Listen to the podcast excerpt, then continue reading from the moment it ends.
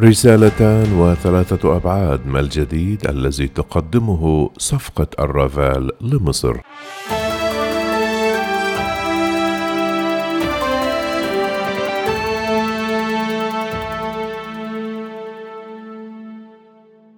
لا تزال صفقة التعاقد على ثلاثون طائرة رافال فرنسية لصالح القوات المسلحة المصرية تلقي بصداها على الساحة السياسية والعسكرية.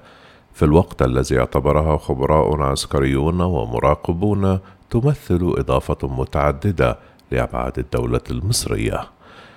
البعد الثاني في نظر الخبير العسكري المصري يتمثل في الثقة بالنظام السياسي المصري والإدارة المصرية الحالية، موضحا أنه يتم إجراء تحليل للدول بشكل دقيق قبل إتمام صفقات تصدير السلاح لأن طائرة مثل رافال تمتاز بالكفاءة والقدرة الكبيرة للغاية وبالتالي لا يتم بيعها إلا لدول تتميز بسياسة خارجية رشيدة ومتزنة ولما لها من قدرة على إحداث تغيير بالتوازن الاستراتيجي في المنطقة. وأضاف الحلبي يجب ألا نغفل أن فرنسا عضو في الاتحاد الأوروبي وحلف شمال الأطلسي. وهناك تفاهمات كثيرة تجري حول هذه الموضوعات الحساسة. الأمر الذي يعطي ثقة كبيرة لمصر في بعدها السياسي وسياساتها الخارجية إذ لا يمكن فصل السياسة الخارجية بشكل عام عن مبيعات السلاح.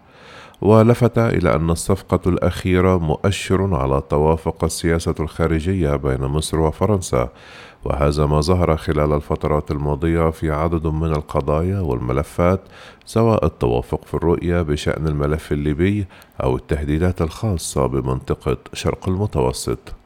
ويشير اللواء طيار هشام الحلبي إلى أن صفقة رافال تحمل بعدا ثالثا يتمثل في البعد العملياتي لأن هذه الطائرة تتميز بإمكانيات متعددة إذ يصل وزن التسليح الذي تحمله إلى 9.5 طن من الذخائر المتنوعة. كما أن مدى الطائرة كبير للغاية ويصل إلى قرابة 4000 كيلومتر ولديها إمكانية أن تزود بالوقود جوا وهذا يساهم في مضاعفة هذا المدى. كما تدعم الرافال منظومات حرب إلكترونية وبالتالي فالطائرة الواحدة تستطيع تغيير موقف على الأرض بصورة عالية جدا وفقا للواء الحلبي وبحسب المتحدث العسكري المصري فإن الطائرات من تراز رافال تتميز بقدرات قتالية عالية تشمل تنفيذ المهام بعيدة المدى فضلا عن امتلاكها لمنظومة تسليح متطورة وقدرة عالية على المناورة. وتعدد أنظمة التسليح بها بالإضافة إلى تميزها بمنظومة حرب إلكترونية متطورة تمكنها من تنفيذ كافة المهام التي توكل إليها بكفاءة واقتدار. وتمثل هذه الطائرات الجديدة إضافة عالية للغاية لمصر للعمل خارج الحدود على مسافات كبيرة جدا لحسم أي موقف عدائي ضد البلاد في وقت قصير وخاصة الأعمال التخريبية التي قد تتال البنى الاقتصادية عالية القيمة مثل حقول البترول والغاز وخطوط الملاحة البحرية. وبدوره يرى الباحث في المركز المصري للفكر والدراسات الاستراتيجية محمد منصور أن انضمام أعداد إضافية من المقاتلات الفرنسية متعددة المهام رافال لسلاح الجو المصري يضيف للقدرات الجوية المصرية العديد من نقاط القوة.